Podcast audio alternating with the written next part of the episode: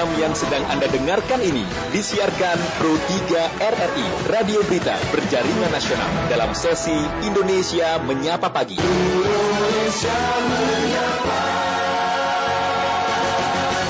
Pendengar, di saat ini berbagai pengobatan dilakukan untuk bagaimana memberikan terapi mengatasi penyakit dan kondisi tertentu untuk medis itu sendiri.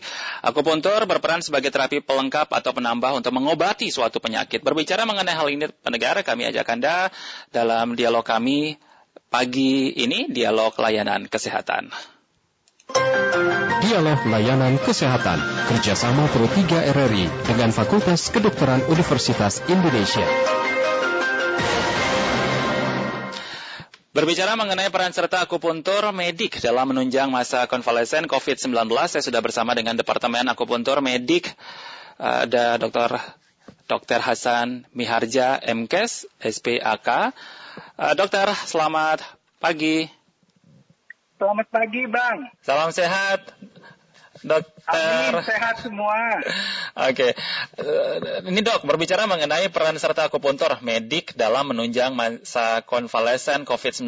Ini hal baru begitu ya. Artinya bagi kita yang awam baru mengetahui bahwa ternyata bisa melalui akupuntur untuk menunjang masa konvalesen begitu, uh, dokter. Baik, perkenankan saya menjelaskan sedikit Akupunktur medik merupakan cabang dari ilmu kedokteran konvensional. Jadi pada prinsipnya juga dapat mengobati berbagai penyakit, kondisi sesuai dengan evidence-based medicine, sesuai dengan bukti yang ada. Seperti kita ketahui bahwa sejak akhir tahun 2020 dan awal 2021 di Indonesia, kita sama-sama menghadapi suatu masalah, masalah kesehatan yang akhirnya dinyatakan atau ditetapkan sebagai pandemi oleh pemerintah Indonesia maupun oleh organisasi kesehatan dunia.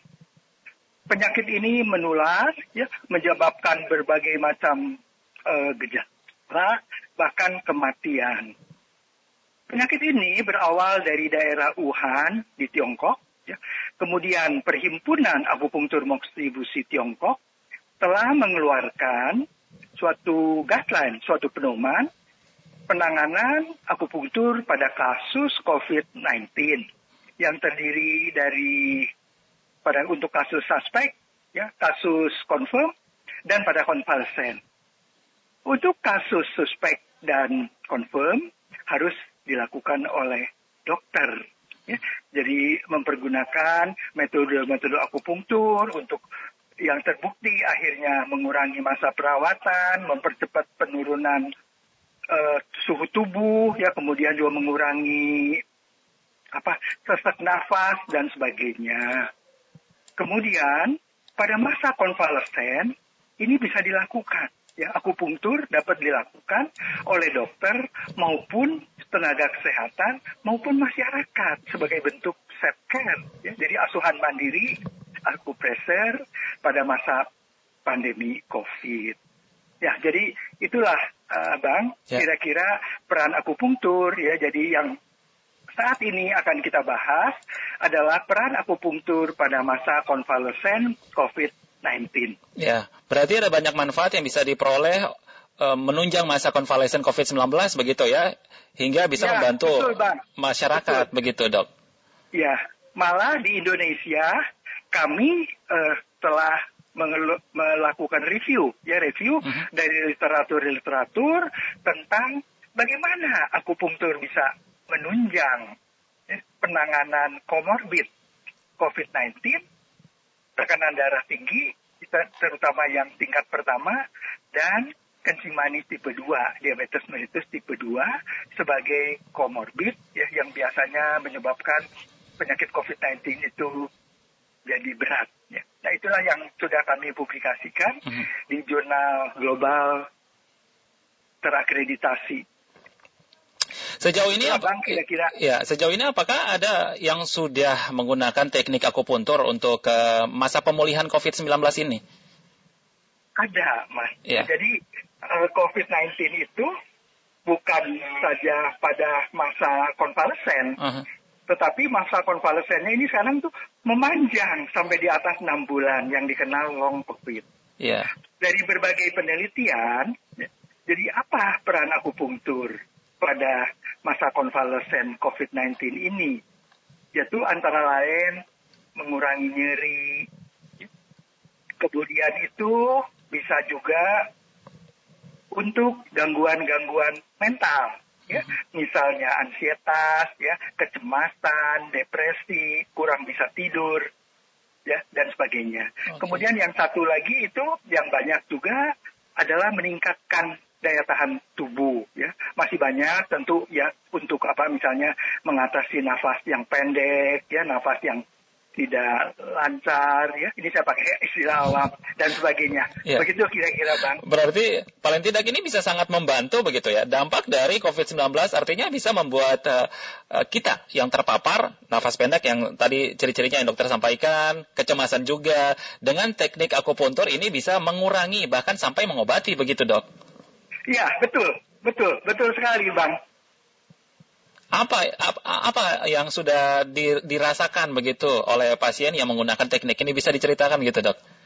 Bisa, saya coba ah. menguraikan sedikit tentang pasien yang mengeluh setelah menderita COVID-19 sudah diperbolehkan pulang, namun masih rasa pegel, sakit di seluruh tubuh. Mudah capek, begitu ya? Capek dan sebagainya. Nah, dengan yang paling sederhana kita lakukan dengan jarum. Ya. Kita menusuk pada satu titik di punggung tangan, ya, kemudian satu titik di punggung kaki, ya, kemudian juga di bawah lutut untuk meningkatkan stamina-nya. Ya. Nah, ternyata pasien setelah mendapatkan terapi atau pengobatan akupunktur ini nyerinya berkurang. Oke. Okay. Nah ini ada kelebihan akupunktur bang yeah. untuk nyeri ini, ya. karena penderita COVID yang konvalesen mungkin juga sebagian ini adalah masa um, apa masa golongan lansia ya hmm. yang berumur. Nah, yang berumur ini kan biasanya sudah banyak menggunakan obat. Yeah. Kemudian juga ada mulailah sedikit-sedikit fungsi organ tubuh berkurang jika mempergunakan obat kimia, kimiawi, tentu harus diperhitungkan resiko-resiko, keuntungan dan kerugian. Nah, akupunktur ini merupakan suatu terapi non farmakologis, artinya tidak mempergunakan obat. Ya. Yeah. Namun, menurut penelitian-penelitian, bahkan juga di apa oleh Badan Kesehatan Dunia, National Institute of Care dan sebagainya, jadi akupunktur ini merupakan suatu tindakan yang sangat aman, ya aman hmm. aman asal dilakukan oleh tenaga yang kompeten. Asal aman, aman, asal digunakan di, di, di, di, di, dilakukan oleh mereka yang berkompeten begitu, tidak asal-asal begitu ya dok. Ya. Dok boleh ya? ya? Dilakukan oleh tenaga yang kompeten, Siap. tetap tenaga yang kompeten itu harus memperhatikan kontraindikasi akupunktur dan kalau terjadi hal-hal yang tidak diinginkan apa yang bisa dilakukan. Oke, dok, perbincangan kita sangat menarik di saat ini. Saya boleh buka apa, apa lorong eh, telepon begitu ya buat pendengar kita yang ingin bergabung di pagi hari ini. Dan pendengar Anda bisa bergabung dengan kami di 021 352 3172 021 384 4545 021 386 6712 ada penelpon kita dari Boyolali. Ada Pak Udin. Pak Udin selamat pagi Selamat pagi, Assalamualaikum warahmatullahi wabarakatuh. Waalaikumsalam, silakan Pak Udin. Bapak Jo, Bapak Dr. Hasan, Departemen Akupuntur Medik. Uh, sebenarnya uh, teori akupuntur itu kan bisa buat uh, orang penyakit stroke, bisa buat pemulihan COVID-19 dan lain-lain itu kan jarumnya disuntik ke tubuh gitu. Nah itu sebenarnya untuk merangsang uh, sarafnya itu agar uh, kinerjanya bisa lebih uh, cepat untuk pemulihan atau gimana penjelasannya? Demikian terima kasih. Ya. Rangsang saraf begitu dengan teknik uh, akupuntur. Dokter. Ya, baik Bang, terima kasih. Terima kasih Bapak dari Boyolali. Pak Udin. Ya. Jadi, ya. apa sih yang dilakukan uh, oleh seorang dokter atau spesialis akupunktur pada pasien-pasien mm-hmm. ya adalah merangsang titik-titik akupunktur di tubuh. Titik-titik akupunktur ini berbeda dengan daerah di sekitar titik akupunktur karena mempunyai karakteristik ya antara lain jaringan sarafnya lebih banyak ya kemudian juga tahanan listrik dan sebagainya itu berbeda ya suhu dan sebagainya sehingga ketika kita melakukan penusukan yeah. titik akupunktur atau perangsangan dengan cara lain akan terjadi hal-hal tertentu yang mempengaruhi neuroendokrin imun. Ya, mm-hmm. Jadi saraf, sistem endokrin yaitu sistem endokrin dan sistem imunologi, sistem kekebalan tubuh. Nah, tiga sistem itulah yang dipengaruhi, Pak. Oke, jadi bisa ya. bisa merangsang uh, saraf itu bisa bekerja dengan baik begitu ya. Uh, dokter, ya. kita punya penelpon dari Makassar yang sudah bergabung dengan kita pagi ini, Pak Wibi. Selamat pagi. Selamat pagi, selamat siang untuk Makassar. Ya, siap. Selamat siang untuk waktu Makassar. Silakan, Pak Wibi. Begini, Dok. Kalau untuk akupuntur, itu apa bisa dilakukan berulang-ulang, Dok? Artinya, akupuntur pertama sampai yang kedua itu jaraknya berapa hari atau berapa minggu, berapa bulan? Terima kasih. Ya, terima kasih Pak Wibi. Interval waktu itu biasanya berapa lama, dokter? Baik, uh, saya ceritakan sedikit ya. ya. Jadi memang tindakan akupunktur ini dilakukan per minggu. Ya. Nah sekarang kita hitung dulu sekalinya berapa lama. Sekalinya antara 15 menit sampai 30 menit. Nah diulangnya kapan? Diulang seminggu dua tiga kali tergantung kondisi pasien. Mengapa? Mm -hmm. Dari penelitian, ya penelitian-penelitian yang dilakukan di Amerika bahwa penusukan jarum akupunktur ini akan menyebabkan pelukaan jaringan dan terjadi berbagai reaksi yang menguntungkan tubuh. Nah, uh, repair jaringan ini memerlukan 3 kali 24 jam.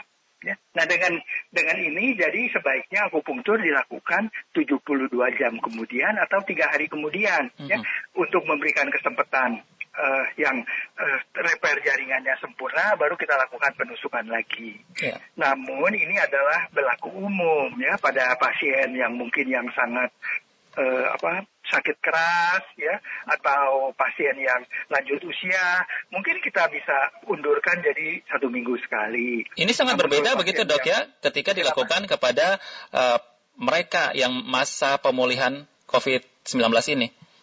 Ya, Ya, jadi jadi pemulihan COVID uh-huh. jika kita memilih akupunktur tentu kita lakukan tindakan satu kali kemudian tindakan ulangan. Tindakan ulangannya biasa seminggu dua kali rata-ratanya hmm. seperti itu.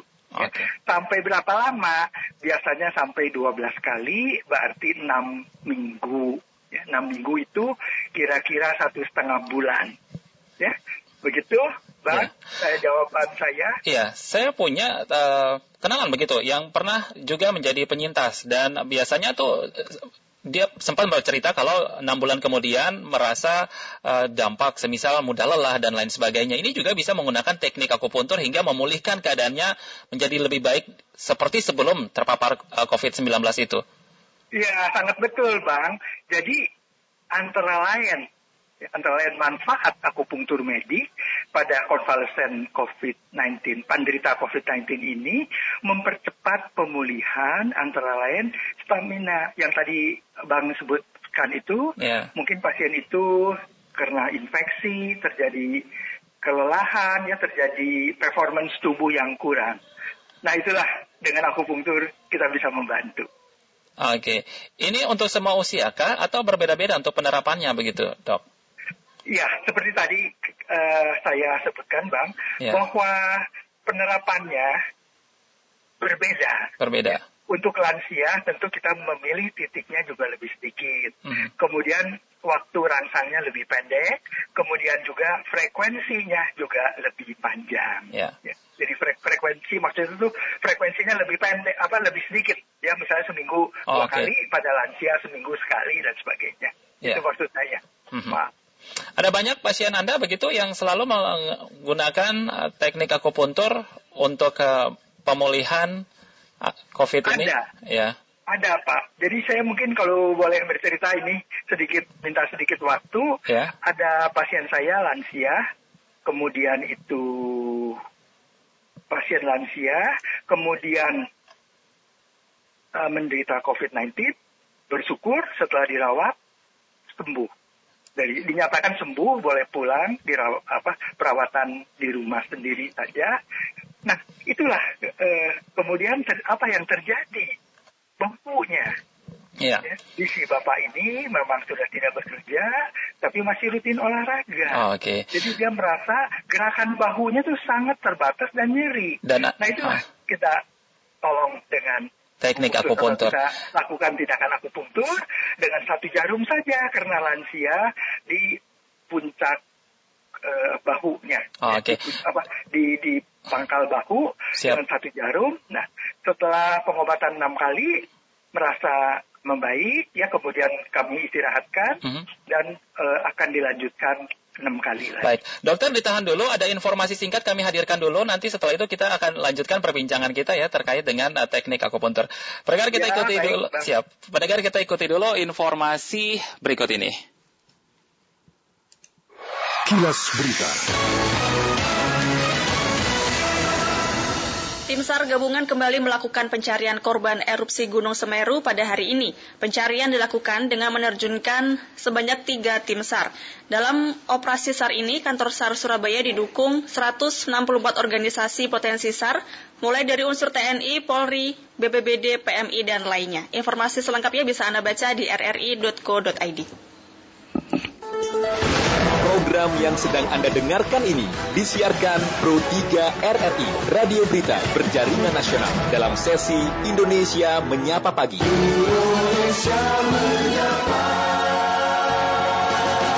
Peran serta akupuntur medik dalam menunjang masa konvalesen COVID-19 bersama dengan Departemen Akupuntur Medik Dr. Dr. Hasan Miharja MKes SPAKK. Ada sudah terhubung dengan kita di sini, Dokter. Halo, Dok. Halo, Ya, kita lanjutkan Ya, lagi Pak. nih terkait dengan uh, peran serta akupuntur medik dalam menunjang masa konvalesen COVID-19. Dan sudah terbukti begitu ya dok ya, akupuntur ini menjadi suatu solusi bagi penyintas pun bagi mereka yang masih dalam uh, pemulihan itu sendiri, dokter. baik. Ya dok. Jadi memang Ah, eh, akupunktur terbukti berperan ya, Bang. Ya, betul. Setuju. banyak pasien yang datang itu usianya rata-rata berapa tuh dok? Eh, bervariasi. Bervariasi. Kalau yang datang di eh, rumah sakit, Mhm. umumnya sangat bervariasi. Namun mungkin karena juga ada apa, ada mengurangi mobilitas dan sebagainya, umumnya pasien dewasa. pasien dewasa. Ya, dewasa. Jadi anak juga sedikit, yang yang apa, muda, ah, kecil sedikit, dan yang tua juga sedikit. Jadi di usia-usia yang produktif yang banyak datang. Ketika mau menggunakan teknik akupuntur ini, mereka merasa lebih baik kondisinya begitu ya dok? Betul, betul. Mereka merasa terbantu. terbantu. Apalagi bagi mereka yang takut minum obat begitu ya dok ya. Betul.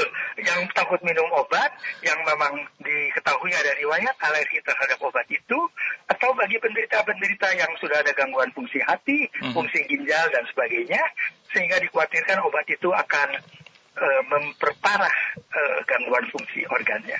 Ada penerapan tersendiri kah yang berbeda ketika mereka ini adalah eh, dalam masa pemulihan yang juga adalah seorang dengan komorbid begitu dok? Ya, berbeda, Pak. Jadi kalau untuk komorbid, kita itu menge- apa akupunktur medik ini dimanfaatkan untuk menstabilkan, ya. Tapi memang penelitiannya itu bersama obat-obat yang eh, sudah pasien lakukan, kita tambahkan Hmm. tindakan-tindakan akupunktur untuk membantu apa, menstabilkan tekanan darahnya, membantu menstabilkan gula darahnya. Memang berdasarkan beberapa penelitian ya, Ya. bahwa akupunktur dengan obat dibandingkan obat saja lebih baik hasilnya atau lebih baik pengendaliannya jika akupunktur ditambahkan obat.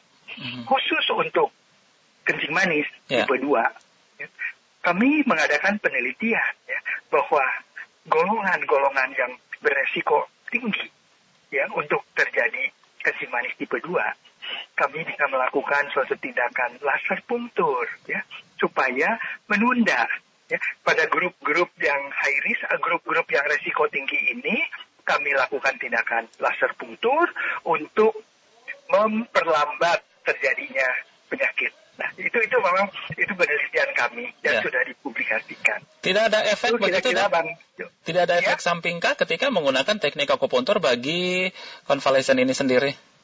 Iya, betul.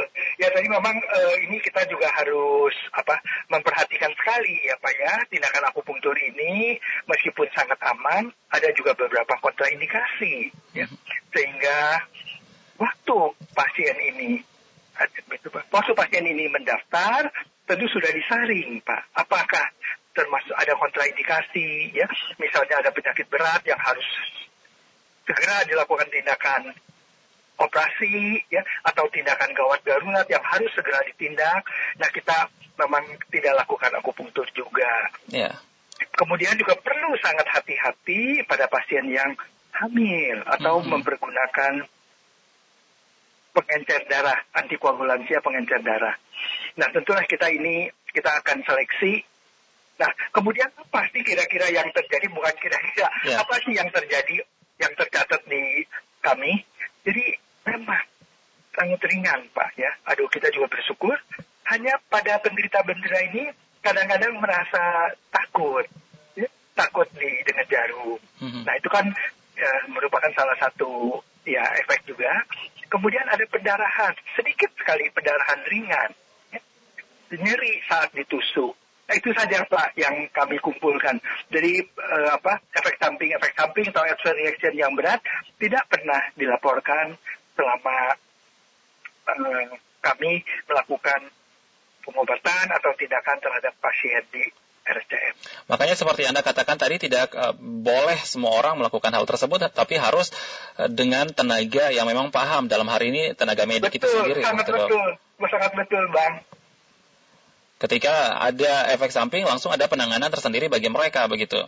Ya, segera, Pak. Jadi segera kita kalau melihat tidak apa ada apa ada bukan persiapannya jadi ada prosedur-prosedur jika terjadi adverse reaction ini apa tindakannya tuh kami sudah membuat suatu seperti suatu protokol ya pak ya, ya. Hmm. Oke, sejauh ini tidak ada masalah begitu dalam pelaksanaan akupuntur dalam tidak masalah, mm -hmm. Pak, tidak masalah. Hanya satu masalah itu karena masih ini kan masih uh, apa masih dalam ini Pak ya dalam apa pandemi. Yeah. Ya. Uh, jadi memang masalahnya itu mungkin uh, kita menghindari untuk mobilitas, mengurangi mobilitas, menghindari kerumunan, sehingga kita sebetulnya meluncurkan juga uh, self care, ya, asuhan mandiri. Jadi hal-hal yang bisa dilakukan oleh penderita di rumah, ya, dengan bimbingan dari dokter-dokter di sini, nah itu sejalan keluarnya untuk uh, menghindari kerumunan, ya, kemudian itu apa mengurangi mobilitas dan menjaga jarak, ya, pak ya. ya. Jadi kita mempunyai tiga keunggulan. Jadi itu adalah self care akupresur, akupresur asuhan mandiri akupresur. Ya. Jadi kita bisa merawat diri kita menjadi sehat dengan akupresur itu. Dengan diri yang sehat kita bisa menolong orang dengan tetap menjaga jarak. Ada edukasi. Kita menolong orang. Ya dari jarak jauh bisa mengurangi kerumunan, mm-hmm. ya kerumunan mengantri dan sebagainya. Kemudian juga kita bisa mengurangi mobilitas. Itu kira-kira, bang. Ada edukasi terkait hal ini kepada pendengar kita yang mendengar perbincangan kita nih se-Indonesia nih dok. Peran serta akupuntur untuk masa pemulihan dan ini menjadi hal yang baru apalagi untuk uh, pemulihan pandemi pemulihan COVID-19 untuk mereka yang ada dalam masa pemulihan itu. Silakan dok. Iya, jadi sebetulnya itu uh, bagi penderita-penderita tentu ya harus memperhatikan 5M, 7M. Ya. Hmm. Tapi kalau andai kata uh, melakukan vaksin dan sebagainya, andai kata sampai uh, apa bagi juga bagi penderita uh, bagi bukan penderita ya, bagi betul penderita-penderita yang punya komorbid mungkin juga bisa ditambahkan akupunktur. Kemudian kalau pada waktu uh, pada masa suspek dan uh, confirm, nah itu kan harus dilakukan oleh profesional. Kemudian pada masa konvalesen ini, ya masa konvalesen ini mungkin alangkah baiknya kalau bisa melakukan asuhan mandiri akupresur ya dengan uh, dengan kemampuan diri sendiri meningkatkan kesehatan diri sendiri. Oke. Okay. Itu mungkin Bang. Siap. Terima kasih dokter sudah bersama dengan kami di saat ini memberikan edukasi hingga kami tahu bahwa dengan teknik akupuntur bisa menjadi solusi bagi kita dalam masa pemulihan apalagi mereka yang adalah uh, orang dengan penyintas atau juga masa pemulihan COVID-19 ini. Dokter terima kasih sudah berbagi. Salam sehat dok. Terima kasih kembali. Ya, pendengar kita bersama dengan Departemen Akupuntur Medik Dr. Dr. Hasan Miharja, MKS SPAK, berbicara mengenai peran serta akupuntur medik dalam menunjang masa konvalesen COVID-19 dalam perbincangan layanan kesehatan di saat ini.